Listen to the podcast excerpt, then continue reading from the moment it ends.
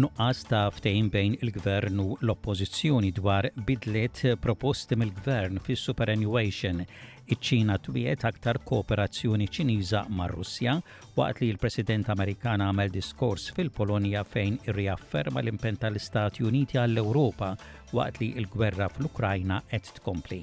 Insellmilkom dan huwa ġo għaxa bulettin ta' aħbarijiet miġbura mir-riżorsi tal-SBS.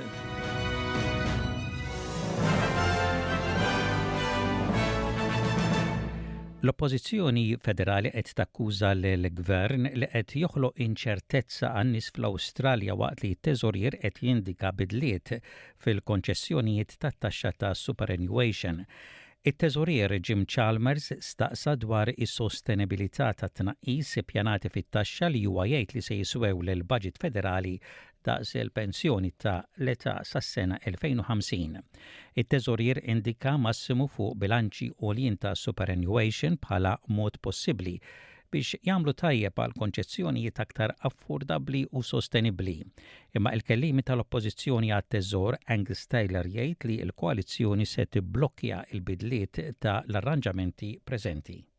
We need uh, this government to avoid straying further from the Hawke-Keating legacy by forgetting that super is fundamentally Australians' money.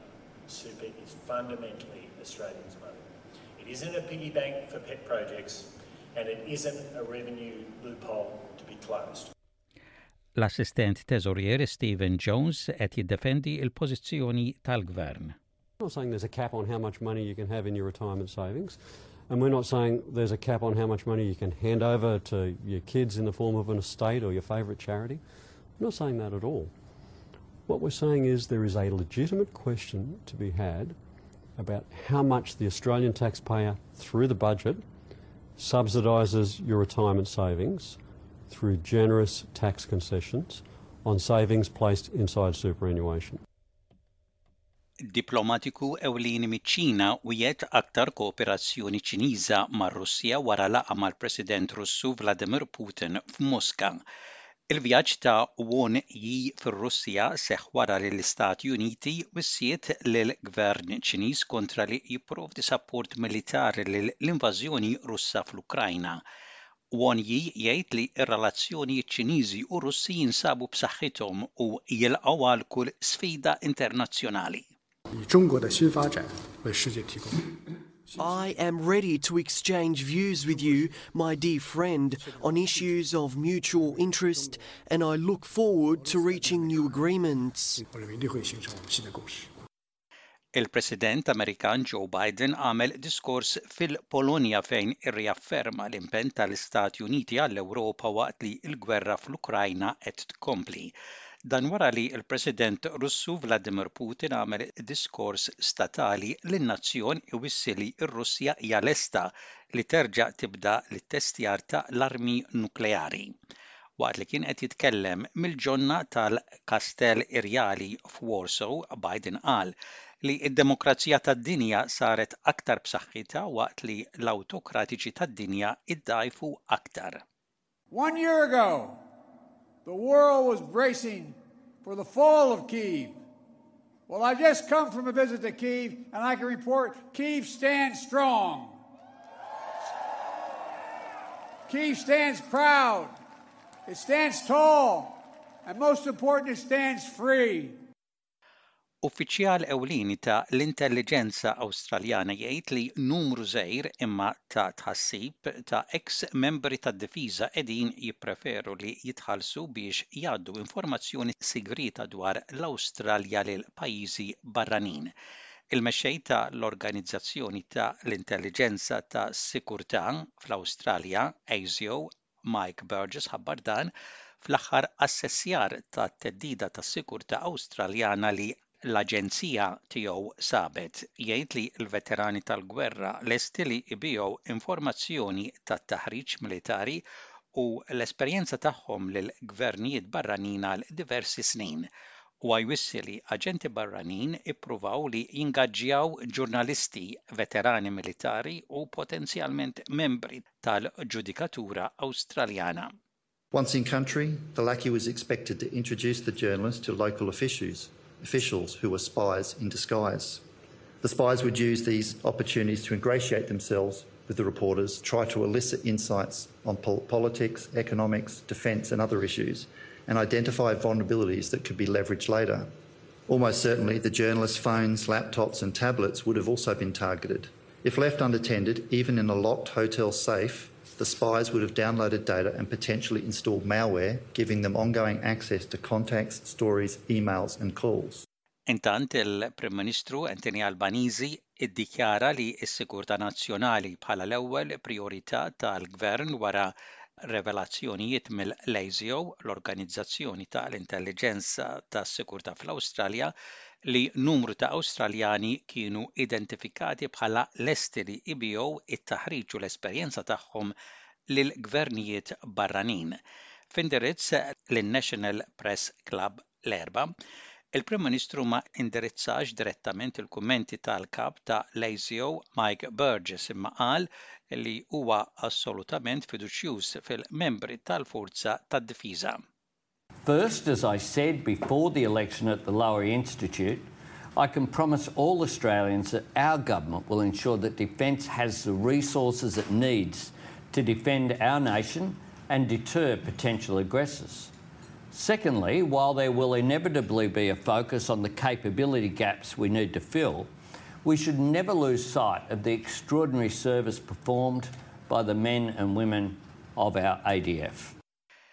Il-mexxej il-ġdid ta' New Zealand, Chris Hipkins, għamel l-ewwel diskors imqanqal u emozzjonali fil-Parlament bħala Prim Ministru. Hipkins ħa l-kariga ta' Prim Ministru minn Jacinda Ardern fi Frar u fil-ftit żmien li ilu Prim Ministru l-pajjiż għadda minn żewġ diżastri naturali kbar. Huwa ddedika parti kbira tad-diskors tiegħu għall-vittmi u dawk li salvaw miċ-Ċiklun Gabriel u l-għarar f'Auckland u rabat dan id-diżastru mal-bidla fil-klima. Hipkins qal lill-Parlament li l-avvenimenti li seħħew fi New Zealand ma kienx hemm bħalhom fl-istorja ta' New Zealand u l-ispiża tat-tindif u biex titranġa l-infrastruttura se jiswew miljuni ta' dollari. 2023 has the potential to be a very difficult year for many Kiwis, and many of our families and businesses and our communities will be under an enormous amount of pressure. But we will get through this. Kiwis are resourceful and we are determined. And I know that once again we'll, we'll tap into our collective strength and their spirit in the weeks and months ahead to come back even stronger. We will do whatever it takes to recover. L-Istat ta' Queensland se jintroduċi liġijiet ġodda kontroversjali kontra tfal li jagħmlu offiżi kriminali u li jiksru l-kundizzjonijiet ta' pleġġ tagħhom. Ir-riformi ser iżidu wkoll iż-żmien ta' dawk li jisirqu karozzi, dawk li jiftaħru dwar atti kriminali fuq il-midja soċjali u jiżguraw li l-imħallfin jikkunsidraw l-istorja tat-tfal b'offiżi kriminali meta jiddeċiedu dwar applikazzjonijiet għal pleġġ il-liġijiet ser ikunu introdotti b'rispons taż-żieda ta' atti kriminali minn tfal fl-aħħar xhur imma l-oppożizzjoni statali qed takkuża lill-gvern li qed jibdel dak li qal li ser jagħmel il-Premier Anastasia Palaszczuk qalet lill-Parlament Statali li r-riformi għandhom l-appoġġ tal-Komunità. They are comprehensive, they are listening to the community and they also go towards targeting those serious repeat offenders, Mister Speaker. We've listened to the community.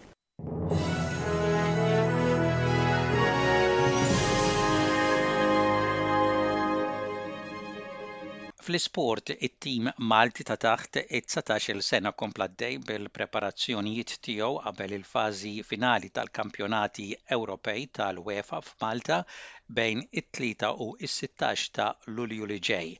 Huma kellhom telfa ta' 2 b' 1 f'partita ta' ħbiberija kontra l-Montenegro. Mosta ressqu protest fil-konfront ta' Valletta rigward il-plejer Nilton Rodriguez Soares. Dan minħabba l-fatt li skont l-istess Mosta il-plejer ma kienx eleġibbli li jilgħab fil-partita tal-Ħadd li għadda bejn it-Tnejn u li intemmet bi skur ta' xejn b'xejn. Mosta qed jipprotestaw li l-Brażiljan ta' 29 sena lagħab ma' tliet klabbijiet differenti fl-istess staġun. U intemmu dan il-bulettin ta' ħbarijiet parsa lejn ir-rapport ta' temp, temp xemxi mistenni f'Perth, f'Melbourne u f'Hobart, temp daqsxejn imsaħħab mistenni f'Adelaide, f'Kembra, f'Wolongong, f'Sydney u f'Newcastle, u ħalbit tax-xita mistennija fi Brisbane, f'Cairns u f'Darwin. Dak kien bulettin ta' ħbarijiet mir-radju ta' l-SBS għallum il-ġimgħa